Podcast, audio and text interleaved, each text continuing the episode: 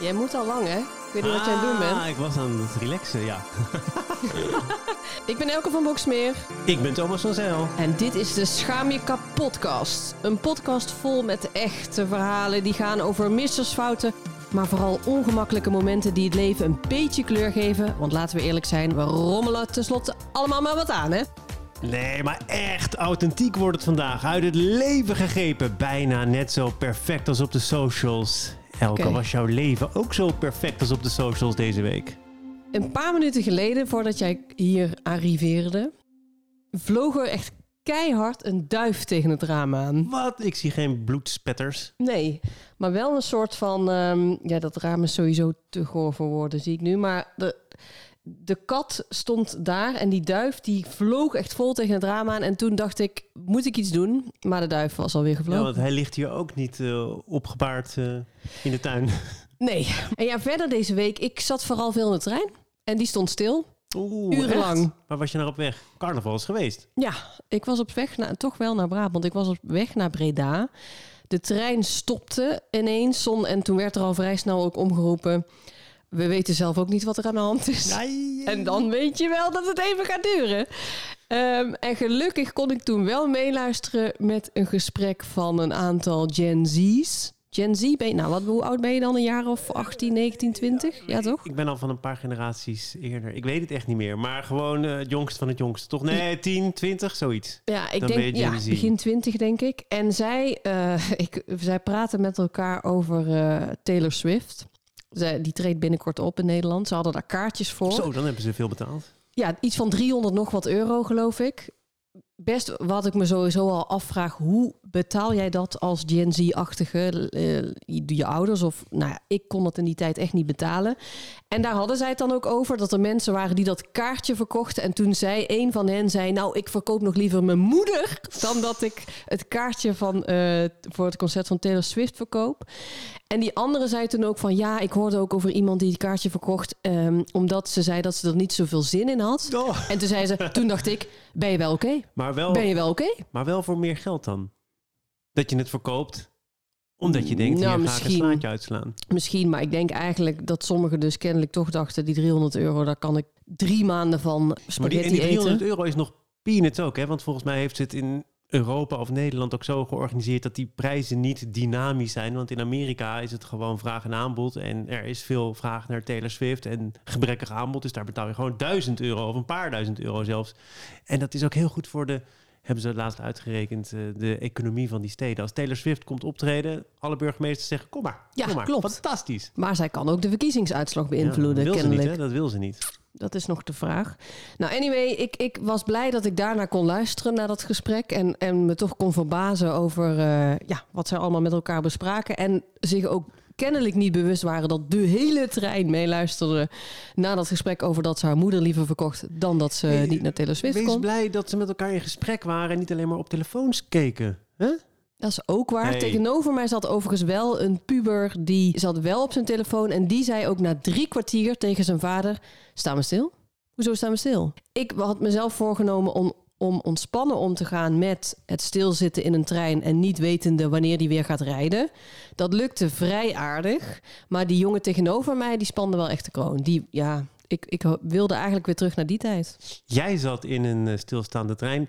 Ik was op een boot die niet ging. Ik was door mijn vriendin Sinterklaas, moet ik eigenlijk zeggen, uitgenodigd. Want het was een Sinterklaas cadeau Mm. om op het eh forteiland Pampus te gaan dineren. Dat is een eiland in het IJmeer. Er staat een groot fort door de eeuwen heen op meerdere manieren gebruikt. Eh, onbewoond eiland, maar je kunt daar wel dineren. Eh, en de schipper van de boot zei, nou wij vertrekken nu. En een half uur later waren we nog steeds niet vertrokken, omdat er geen stroom was op dat onbewoonde eiland. En van de burgemeester moet er wel noodverlichting zijn, want anders komt er een ramp. Daar gaat het eigenlijk helemaal niet over. Het is een lange Oh. introductie. Want ja, je zit daar dan toch maar op die boot. Je staat op dat dek. Iedereen krijgt het koud. De sfeer is wel eens beter geweest. En je moet dus ook met elkaar gaan praten. Wij waren in gesprek geraakt met een man die er met zijn schoonmoeder was. Want die was 75 geworden. Leuk verhaal, had een leuke dag gehad. En toen zei hij, ja, en ja, dan heb je natuurlijk jullie nog. Ik denk jullie ook eh, moeder en zoon, toch? Ja, dat was natuurlijk echt een, echt een kutopmerking uh, voor, denk ik, de zoon die ik dan was. En mijn moeder, mijn vriendin. Dus mijn vriendin zei ook, auw, auw. Toen zeiden ja, man en vrouw, ja, dat kan wel, maar daarvoor lijken jullie te veel op elkaar. Nee, het is niet man en vrouw, het is, het is broer en zus dan misschien. Nou, dat was natuurlijk gewoon echt een kutgesprek. Oef, zijn jullie nog eh, bij elkaar, is de vraag. Nou, nou wij, zijn, wij zijn bij elkaar, spiegel. maar het was natuurlijk een, een romantisch avondje. Hè. Je gaat dan toch uh, ergens op een bijzondere plek dineren. En dit was de start. Ja, dat, dat heeft even wat herstelwerkzaamheden nodig. Snap ik. Um, nou, dat, dus dit... gaat mij nog dagen bezighouden. Jou viel ook iets op in het nieuws. En dat is van één persoon. Kunnen we daar al naar gaan luisteren? Of wil Luister je daar gerust wil je een introductie nee, geven? Nee, liever niet. Ik heb het er ook liever helemaal niet over. Maar het, het is binnenkort weer zover. Dus laat het maar even horen. Toen ze mij vertelde op de twaalfde van uh, waar, de kinderen uh, waar de kinderen vandaan kwamen. En hoe dat, hoe dat ging, toen zei ik tegen mijn moeder: Jullie doen toch niet zo gek? Ja, dit was vorig jaar tijdens, Elke, je weet het misschien nog wel, de week van de lentekriebels. Oh ja. Ja, ja. Het is weer bijna de week van de lentekriebels. En dat is vorig jaar helemaal geëxplodeerd. Want eh, mensen vonden dat absoluut niet kunnen. Het komt van de Rutgers Stichting. En het thema was toen: Wat vind ik fijn? Uh, nou, dat ging over je lichaam beter leren kennen. Of zoals Rutgers dat zelf formuleerde, uh, beter je lichaam leren kennen, leren waarderen, beter met jezelf om kunnen gaan. Maar heel veel mensen hebben daar ook een tamelijk seksuele lading aangegeven. Um, ik wil die discussie helemaal niet weer opnieuw voeren, maar ik. Fijn. Fijn hè? Maar ik las dus vandaag dat het er weer aankwam met de initiatiefnemer, de Rutger Stichting. En die zei: Ja, het, het, was echt mijn kindje. En ik ben erg geschrokken van hoe dat vorig jaar ging. Ze hebben nu een ander thema gekozen, namelijk online weerbaarheid. Is dat omdat dat een veiliger thema is? Ja, dat is omdat het een veiliger thema is. Maar wat ik er ook las in het interview in de krant is dat de Rutger Stichting serieus door de politie wordt beveiligd op dit moment, omdat die week eraan zit te komen. En dan denk ik, dan denk normaal. ik, waar zijn wij nou helemaal in terechtgekomen? Ze moeten zich zorgen maken over acties van de groep Gezin in Gevaar. Ja, ik denk ik bereid de luisteraars maar vast voor. Want in de eerste week van maart uh, is het zover, de week van de lentekriebels. Ik vind die lentekriebels trouwens ook een, een, raar woord of zo. Ik bedoel, ik heb daar ook op dit moment geen last van, van lentekriebels of zo. Jawel, als de stad, nou nu niet, maar misschien als de stad, bijvoorbeeld Amsterdam, waar wij beide wonen, als het dan eerste zonnestralen en iedereen zit op de fiets en mensen hebben rokjes, korte broeken, ik noem maar even iets anders dan alleen het rokje. Korte broeken hebben ze. dan voel je dat de stad leeft en dat er iets in de lucht hangt. Vind je het vervelend dat ik je wijs op het feit dat die week eraan zit te komen? Was je het alweer bijna vergeten? Want het was vorig jaar wel iets, hè? Ja, ik ben me daar toen niet zo bewust van geweest dat dat helemaal zich afspeelde. Toen was ik in het buitenland. Ja, dat moet ook gezegd worden. Dus ik weet dat niet meer zo goed. Maar ik, ik vind het eerder verontrustend dat zij dan een thema kiezen omdat het veilig is. Maar niet omdat het een thema is wat ze ook daadwerkelijk echt belangrijk vinden. En op dat moment willen uh, benadrukken. Maar ik denk dat het wel, wel beide kan. En dat je dus vorig jaar echt van alle kanten bent belaagd. En ook politiek gezien onderwerp van gesprek bent geweest. En veel miscommunicatie is geweest. Desinformatie, bewust om die campagne in een kwaad daglicht te stellen. Ouders die zich enorme zorgen maakten. Ja, ik heb dat vorig jaar ook niet gehad hoor. Maar het gaat dus ook over de voorlichting van kinderen op scholen. Dat je dan denkt, nou, we doen het nu, we doen het nu toch even een klein beetje anders. Tikkie minder. Begrijp ik wel. Ja, begrijp ik ook. Maar het is natuurlijk wel treurig dat dat toch moet. Ja, nou, daarom dacht ik, we hoeven er geen uh, kathedraal van een verhaal van te maken. Maar ik denk, ik zeg het toch maar even. Kathedraal van een verhaal. Ja, nou, vind ik een mooie Is de podcast al geslaagd? Ja. En wil ik graag dat je heel even oplet. En even zie, zie je dit? Kijk, een gat kijk, in je broek. Ja. Lentekriebels. ik kreeg laatst dus ook de vraag van... heb jij, uh, hoort dit bij deze broek? Dus ben jij een soort van hip met een gat in je broek... of is er iets anders gebeurd? Nou, ik zou graag het eerste willen zeggen... maar het is dus het tweede. Want wat is er uh, onlangs gebeurd? Ik was uh, met de trein, wederom, hij reed toen wel, op stap geweest... met ehm, Raaf, mijn zoon van acht. En ik liep dus dat station uit en ik had allemaal tassen in mijn hand. En, hij, en ik had hem ook aan de hand. En hij ging, mij, uh, ging aan mijn hand trekken. Dat doen kinderen. Ik vind dat sowieso altijd een super irritant spel, maar prima. Maar op een gegeven moment, ik liep dus over zo'n tramspoor. Hij trok aan mijn hand. En ik, hij trok me dus gewoon zo ver door dat ik gewoon vol, maar echt vol op mijn bek ging. Met die tassen, dus ik kon mezelf ook niet opvangen. Dus ik, nou. Op die trambaan ook? Op die trambaan. Ik kom dus mijn knie kapot, broek kapot. Um, mensen die stopten en zeiden: Gaat het wel? Uh, nou, die waren bezorgd dat dan mijn eigen kind de aanstichter in dit geval. Ook dat was confronterend. Maar ik, ik wilde eigenlijk toen. Um, ik wilde eigenlijk gaan huilen. maar je wilde ook groots. Groot zijn. De klap verdragen. Ja, dus ik, ik, ik, ik ging niet, want het deed echt zeer. Het deed echt pijn. Die knie was helemaal kapot. Ik viel gewoon echt ruk. Op mijn handen ook. Nou, mijn handen ook kapot, alles. En ik was woedend. Dus, op Raaf? Ja, op die situatie, op, op uh, mezelf, op dat ik daar zo liep, op dat ik mezelf niet opving, dat hij dat aan het doen was. Ik was gewoon zwaar geïrriteerd. Nou, ik krabbel uiteindelijk overeind. Pak, ga op de fiets naar huis. Um, en ondertussen uh, ging Raaf, uh, die praten zoals dat gaat bij kinderen, die vergeten alles meteen. Dus die praten over andere dingen door, vroeg me nog wat, zei toen, hey, waarom reageer je niet? En toen zei ik, ik kan nu even niet met jou praten. En dat heb ik dus de hele fietstocht naar huis, nou, dat duurde niet heel lang, maar volgehouden. Ik ben ook nog een uur lang nog woedend geweest over de situatie. En dat is uiteindelijk, denk ik, waar ik me ook het meest voor schaam. Dat ik dan tegen hem zeg, ik kan niet met jou praten. Joh, lach erom, boeien, het is toch grappig. Uh, waar, hij doet dat niet expres. Hij trekt je gewoon in uitspeelsheid. Jij flikkert vol op je bek, je broek is kapot dit boeit toch allemaal eigenlijk helemaal erbij, niet. Hè? Je bent hipper dan je bent met dat gat in je broek. Het levert je ook nog wat op. Ja. Maar ik snap het, ik snap het wel. Ik denk dat dit toch best wel herkenbaar is. Dat je denkt, maar wel pas na aflopen. dit is niet de beste volwassen reactie. Treurig, zo, zo zou ik het willen omschrijven naar mezelf toe. Treurig. En dat, dat, ik, overigens heb ik dat wel eens vaker. Dat ik dan natuurlijk achteraf, en zo gaat dat dat je dan terugkijkt en denkt: kom op, dit had echt anders gekund.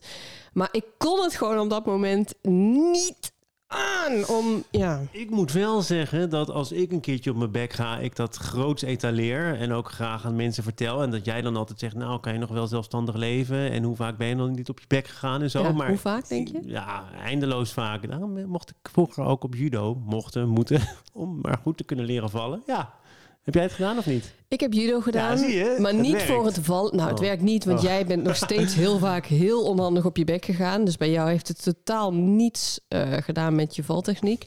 En ik zat eigenlijk, of ik deed aan judo omdat, uh, ja... Anderen dat ook deden. Ja, het stukje weerbaarheid, denk een stukje ik. weerbaarheid. Ik vond het ook heel, ik vond het totaal niet leuk. Nee. Dus nee, oké, ja. Nou, ja. Nee, nee, maar dus het valt me op dat jij nu ook gevallen bent. Mij doet het heel veel goed. Ik bedoel, je zult pijn hebben gehad en uh, je zult oh, je kind uitgekafferd hebben, maar ja, ik voel me minder alleen. Ja, nee, mijn, mijn meest recente valpartij met zichtbare sporen. Ja, dat is en een bijzonder zichtbaar verhaal. ongemak? Ja, zichtbaar ongemak ook zeker, want ik uh, was uh, tamelijk bebloed. En mensen dachten inderdaad ook dat ik gezopen had. En net zoals bij jou vroegen ze zich af, moeten we ambulances bellen, ja of nee? Dat was op een parkeerterrein over een, ja, ik denk dat het er echt stond, een paaltje. Uh, maar iemand had mij net gezegd, nou, het was weer leuk, tot de volgende keer, joehoe. En die liep naar zijn auto en die kwam terug, laat ik zeggen, minder dan een minuut later. En die uh, kwam mij dus wederom tegen, deze keer volledig rood van het bloed en met bulten op mijn wang. En die zei, hé, maar ik heb jou toch net goeiedag gezegd? We hebben toch net gewoon uh, net op dit parkeerterrein afscheid genomen. Wat is hier gebeurd? Ik zei ja, ik denk, ik denk toch echt het paaltje. En het was het paaltje waar ik al een keer eerder tegen aangeknald was. Toen zonder al te schadelijke gevolgen. Maar ja, dat voelde wel dom. Want dat was ook een week nadat ik op de fiets dan weer mijn pols gebroken had. Toen dacht ik echt, ja gast. Wat gebeurt hier? Dit, dit gaat niet meer. Dit... Ik moet begeleiding hebben. En, en, Buddies. Maar je denkt het paaltje, je weet tot op de dag van vandaag kan niet dat waar je over geflikkerd bent. Nou, nee, het moet dat paaltje zijn geweest. Ik ben er nog een keer geweest. Toen stond dat paaltje er weer. Dus we maken daar nu dan een soort van bedevaartsoord van. Even langs het paaltje om te kijken of het deze keer lukt om zonder schade daar te passeren. Maar de laatste keer dat wij er waren, stond dat paaltje er niet. Wat me toch doet vermoeden dat ik zeker niet de enige ben die oh, daar regelmatig last van heeft. Ja, bevestiging. Hè, dus die keer dat ik eh, van alles had gebroken, toen hebben ze meteen, want dat was omdat er wortels onder de weg groeien, hebben ze wel dat stuk wegdek vervangen.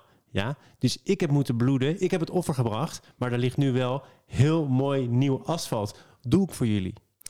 Hoe, eh, hoe ben jij uiteindelijk thuisgekomen, bebloed en wel? Ja. Kon je nog wel lopen? Ja, dus ik ben naar een ethos gegaan of een drogist om daar watjes eh, te scoren. En eh, de mensen achter de balie die vonden dat niet voldoende. Dus die stonden ook alweer met hun telefoon in de aanslag. Ja, maar we moeten echt het ziekenhuis bellen. Ik zei nee, ik moet naar huis. Toen zeiden ze, weet je nog waar je heen moet dan? Ik zei ja, Amsterdam.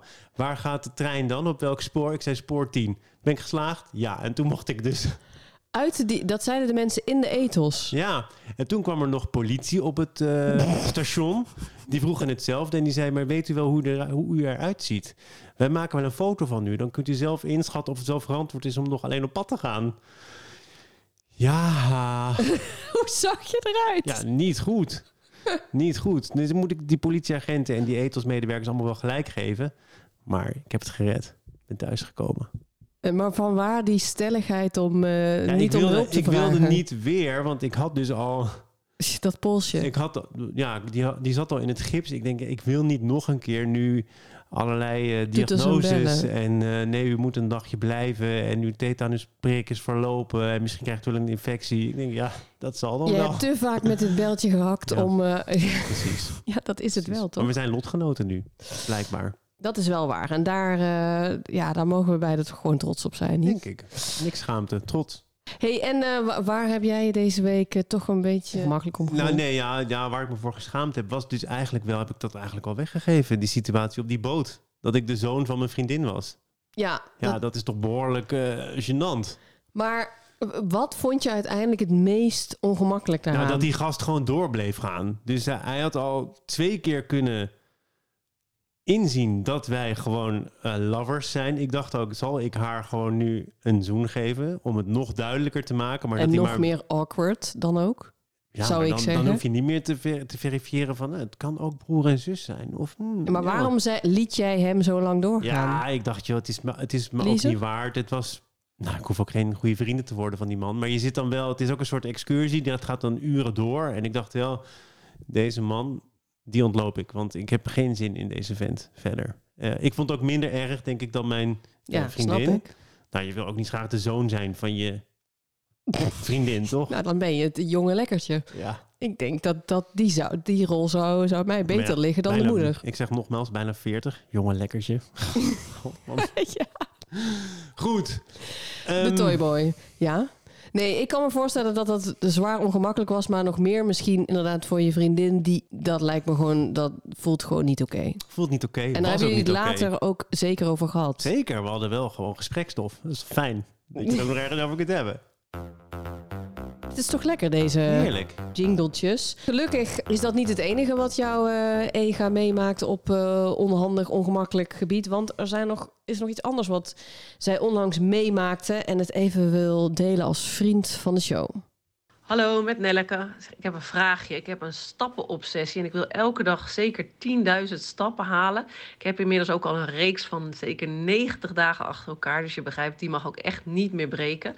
Maar soms zit je gewoon heel veel overdag. En als je dan later op de avond nog een paar duizend stappen te gaan hebt en je bent in gezelschap, bijvoorbeeld van je schoonfamilie, hoe pak je dat dan handig aan?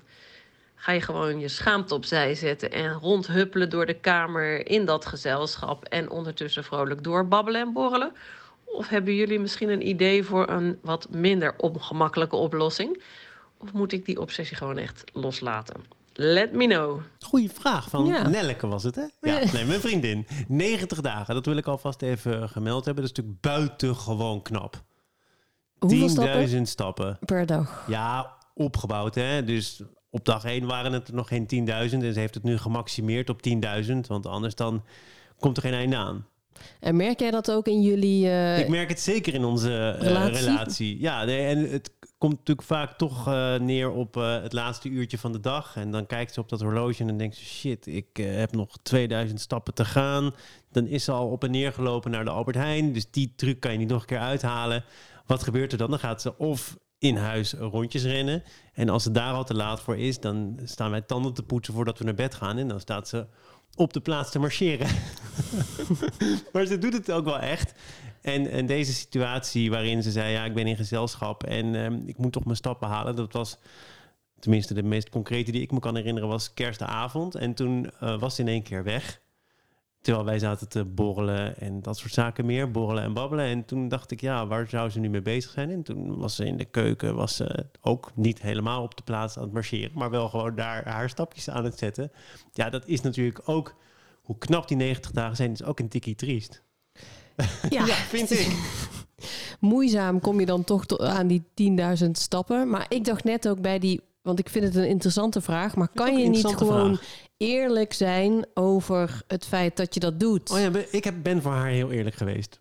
Ik zou jullie situatie. afvragen waar Nelleke is. Die is nu haar stappen aan het zetten. Vermoedelijk in de keuken.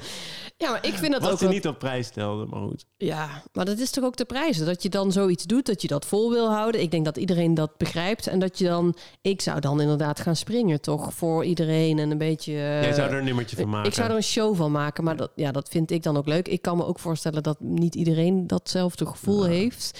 Of je zegt, uh, ik ga even de niet bestaande hond uitlaten, maar ik moet even naar buiten. Je kunt natuurlijk tussendoor heel even een klein ommetje uh, maken als je het niet wil delen. Nee, ze is nu ook wel, denk ik, over de grootste schaamte heen. Want nu is het ook een deel van de prestatie. Ik doe dit nu 90 dagen, ik ga naar de 100, 150.